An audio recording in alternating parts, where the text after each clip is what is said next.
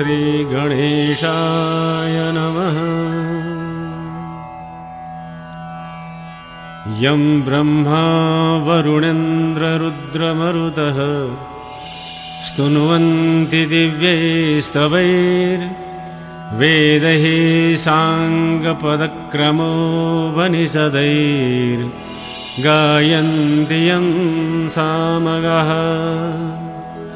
ध्यानावस्थिततद्गतेन मनसा पश्यन्ति यं योगिनो यस्यान्तं न विदुःसुरासुरगणा देवाय तस्मै नमः।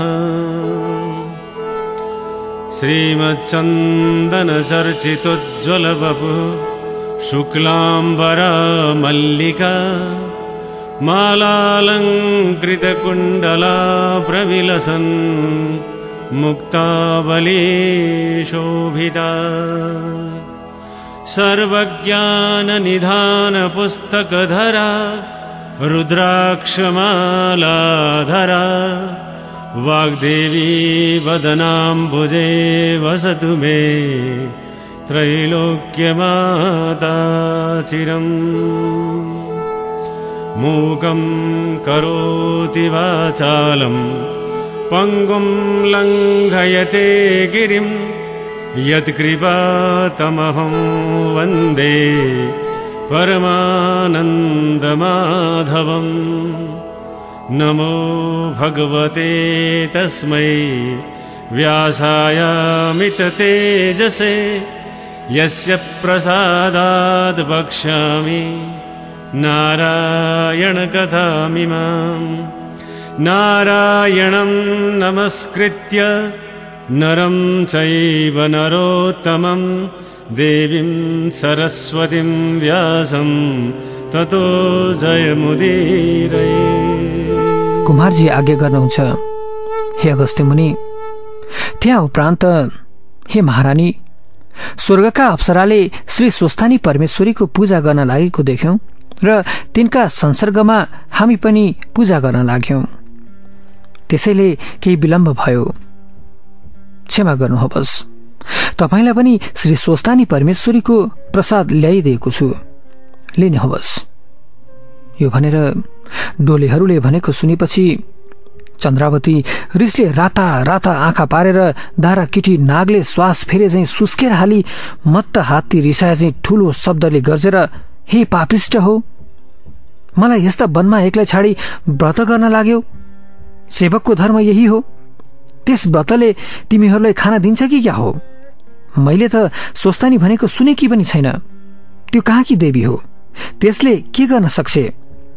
तिमीहरूले मलाई नटेरेको हो? वनमा भएर पो त नत्र तिमीहरूलाई म दारा किटेर खुबै तर्साइन्। कहिले पुगुला भनेर हतपत्तै आए कि मलाई विलम्ब गरिदेऊ।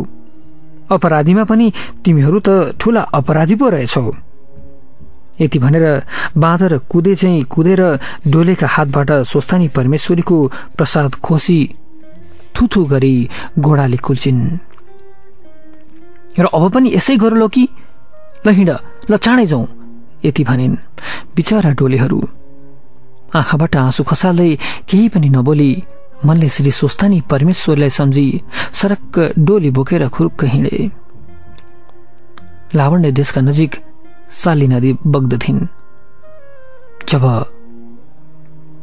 डोलेहरू त्यहाँ पुगे नदी तार्न लाग्दा श्री स्वस्थानी परमेश्वरीलाई निन्दा गरेको हुनाले अकस्मात चदुवा टाँगे जस्तो बादल उठ्यो।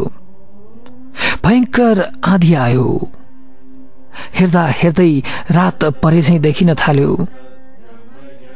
एक्कासी काला काला बादलहरू आकाशमा निमोठिन थाले। भयङ्कर आँधी आयो। चरा चुरिङ्गीहरूको चिरजिराहट सुनिन थाल्यो। कागहरू डढाएर यत्र उडेका जस्ता लागिन्थे। आकाशमा गिद्ध र एक्कासी चिलहरूको गर्जन सुनिन थाल्यो। ओहो स्थिति भयङ्कर देखिन थाल्यो। आश्चर्य अति आश्चर्य। यो के कस्तो भयो? कसैले केही ठम्माउनु नै सकेनन् अकस्मात।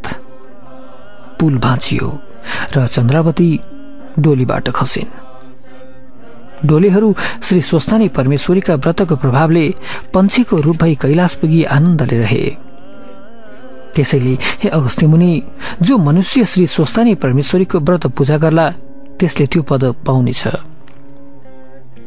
त्यहाँ उपरान्त चन्द्रावती महापातकी भएर जलभित्र नै रहिन्। चन्द्रावती खसेदेखि साली नदी बगिनन् स्थिर भएर रहिन्। माझीहरूले यो के अनर्थ भयो यो के आश्चर्य भयो भने त्यहाँ खोजबिन गर्न थाले। यस नदीमा कोही ग्रह आई बस्यो कि नाग आयो अथवा यज्ञमा के उत्पात पो हुन लागेको हो कि?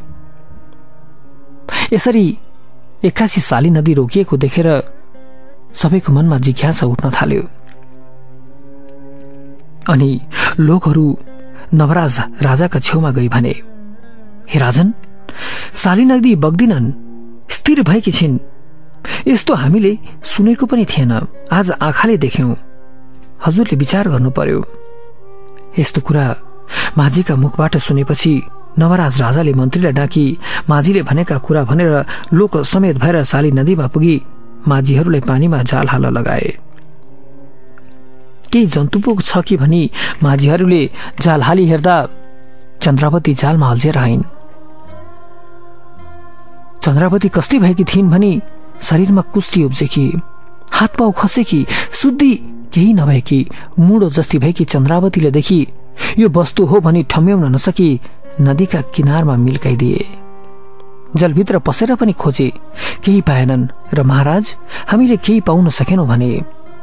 यस्तो माझीहरूको कुरा सुनेर नवराज राजाले हे गङ्गे मैले केही जान्न सकिन। मदेखि प्रसन्न हुन होस् भनेर पारो नवरत्न गाईको दुध दही समेत अर्घ दिए। अनि साली नदी बल्ल बग्न थालिन्। योदेखि नवराज राजाले आश्चर्य मान्दै लोक समेत भएर दरबार फर्के ता उपरान्त चन्द्रावती क्षणमा मूर्छा हुने क्षणमा चेष्टा हुने छुदा तृष्यले पीडित भएर महाकष्ट पाएर मुडो चाहिँ भएर साली नदीका किनारमा परिरहन्। एक दिन साह्रै भोग लाग्यो र खानेकुरा केही पाइनन्। माटो नै खान्छु भनेर हातमा लिइन्। त्यो माटो पत्थर भयो। त्यही पनि खान खोज्दा हाड भयो। त्यो पनि खान खोज्दा खरानी भयो। त्यो पनि लौ भइहाल्यो खरानी पनि खान्छु भने मुख निर लैजाँदा बतास आई हुडाएर लग्यो। नि परमेश्वरीलाई निन्दा गरेकी हुनाले शीत ताप भोग प्यासबाट हुने अनेक दुःख चन्द्रावतीले सही रहिन्। त्यहाँ उपरान्त नवराज राजाले आफ्ना राज्यभरिका ब्राह्मणहरूलाई भोज भोजन गराउँदै श्रद्धापूर्वक दक्षिणा दिँदै विदा गर्दै गए। अग्निपुरका कपिल नाम गरेका दुई भाइ ब्राह्मण पनि भोजनमा जान त्यतैबाट आएका थिए। तिनलाई चन्द्रावतीले देखिन् र तिमीहरू को हौ? कहाँ जान लागेका हौ भनेर सोधिन्। तब ब्राह्मणहरू भन्दछन् हामी कपिल नाम गरेका ब्राह्मण हौ। नवराज राजाको ब्राह्मण भोजनको निमन्त्रणामा लामण्य देश जान आएका हौ भने। तब चन्द्रावती भन्दछिन् हे ब्राह्मण हो कति दिन भयो? मैले केही खाएकी छैन। तिमीहरू भोजनमा जाने भए मलाई पनि केही मागी ल्याइदिए पुण्य होला। म अनाथमाथि दया गर। बडो रुदै आँखाबाट हाँस झार्दै भनिन् तब ब्राह्मण भन्दछन् हे पापिनी हामी हुन्छ भन्न सक्दैनौ। किनभने राजाको दरबारमा के कसो हुन्छ विशेष हामी ब्राह्मण जातिले ल्याउन हुने वस्तु दिए भने त ल्याउला ल्याउन नहुने वस्तु दिए कसो गरौला? यस अर्थले आशा नगरिरहनु भनेर ब्राह्मणहरू हिँडे। नवराज राजाले आउँदै गरेका ब्राह्मणहरूलाई भोजन गराई दक्षिणा दि विदा गर्दै जान्थे। ब्राह्मणहरू पनि नवराज राजालाई आशीर्वाद दिएर आनन्दपूर्वक आफ्नो आफ्नो घर जान्थे। तिनै विदा भई जाने मध्ये ती कपिल ब्राह्मणले अघिको कुरा सम्झी त्यसै जाउँ भने त्यो पापिनी आशा गर्दै होली। के मागु भने कसरी मागु? कस्तो लोभी रहेछन् भन्ने कि? केही भन्न नसकी भोजन गरेको ठाउँमा कहिले जाने कहिले आउने गर्न थाले। तिनीहरूको हाल गोमाले देखिन्। तब भणालीहरूलाई बोलाए हे भणारे हो ती दुई ब्राह्मणले खान पाएनन् र हो कि के भयो? कि सन्तोष पो भएनन् कि तिनीहरू? किन यताबाट उता उताबाट यता गरिरहेका छन्? गई सोध त। गोमाले भनिन् तब भण्डारीहरू ब्राह्मण भएका ठाउँमा पुगी भन्दछन्। हे ब्राह्मण हो तिमीहरूले खान पाएनौ कि अथवा सन्तोष भएन कि? इच्छा भए फेरि भोजन गर ल हिँड। यसोभन्दा ब्राह्मणहरू भन्दछन् हे भण्डारी हो हामीले इच्छापूर्वक भोजन गर्यौँ। तृप्ति पनि भयो। हामी यहाँ आउँदा साली नदीका तीरमा शरीरमा कुष्ठ भएकी हात पाउ खसेकी स्त्री जातिले कहाँ जान्छौ भनेर सोधिन्। हामीले राजाको ब्राह्मणमा भोजनमा जान्छौ भन्दा तिमीहरू भोजनमा जाने भए मलाई पनि केही मागेर ल्याइदिए कति दिनदेखि खाएको छैन भने थिए। त्यसै अर्थले त्यसै जाउँ भने त्यो आशा गरिरहेकी होली। केही लगिदिउँ भने कसरी मागौँ भनेर अप्ठ्यारो लागिकन यता उता गरिरहेका हौ। तब ब्राह्मणका मुखबाट यस्तो सुनि भण्डारीहरूले यो सबै कुरा गोमा राजमातालाई भने तब गोमा राजमाताले दुई ब्राह्मणले बोक्न सके जति अन्न देऊ भनेर हराइन्। तब हवस भनेर भण्डारी भण्डारमा राखेको वस्तु लिन जाँदा सबै वस्तुहरू बिलाएर गए। यस्तो अद्भुत आश्चर्य भएको देखेर राजमाता भएको ठाउँमा गई हात जोडेर हजुर राखेको ठाउँमा केही छैन। भण्डारीहरूले गोमालाई भने अनि राजमाता आफैले भण्डारमा गएर यसो हेरिन् नभन्दै दिने वस्तु केही पनि थिएन। तब आफूलाई पकाइराखेको भात देऊ भनिन्। भण्डारीले त्यही भात लिएर गई ब्राह्मणहरूसित भने हे ब्राह्मण हो त्यसको नाउँ लिने बित्तिकै राजाको भण्डारको सम्पूर्ण वस्तुहरू लुप्त भयो। राखेका ठाउँमा केही छैनन्। यो राजमातालाई पकाएको भात हो लगिदेऊ भनेर सुम्पे। बिचरा ब्राह्मणहरू बहुतै शरम माने भात लिएर दरबारबाट बाहिर निस्के। ब्राह्मणहरू जाने बित्तिकै राजाको भण्डार पहिले जस्तै भरिपूर्ण भयो। राखेका सारा वस्तुहरू उही जस्ताको त्यस्तै देखिए। हे मुनि श्री स्वस्तानी देवीको निन्दा गरेको हुनाले यही पापको कारण चन्द्रावतीको जो दशा भयो त्यो मैले तिमीलाई सुनाए। अब म अगाडिको अध्यायमा उसै चन्द्रावतीले श्री स्वस्तानीको शरणमा पर्दा उद्धार भएको कथा पनि सुनाउनेछु। एक चित्त भई सुन। इति श्री स्कन्द पुराणे केदारखण्डे माघ महात्मे कुमार अगस्त्य सम्वादे। श्री स्वस्तानी परमेश्वर व्रत कथा नवराज ब्राह्मण भोजनम नाम सप्तविशो अध्याय। तत्रैव गङ्गा यमुना च तत्र गोदावरी सिन्धु सरस्वती च। सर्वाणि तीर्थानि वसन्ति तत्र। यत्राचितोदारकथा प्रसङ्गः कायेन वाचा मनसेन्द्रियैर्वा बुद्ध्यात्मना वानुसृतिस्वभावात्। करोमि यद्यत् सकलं परस्मै नारायणायेति समर्पयेतत्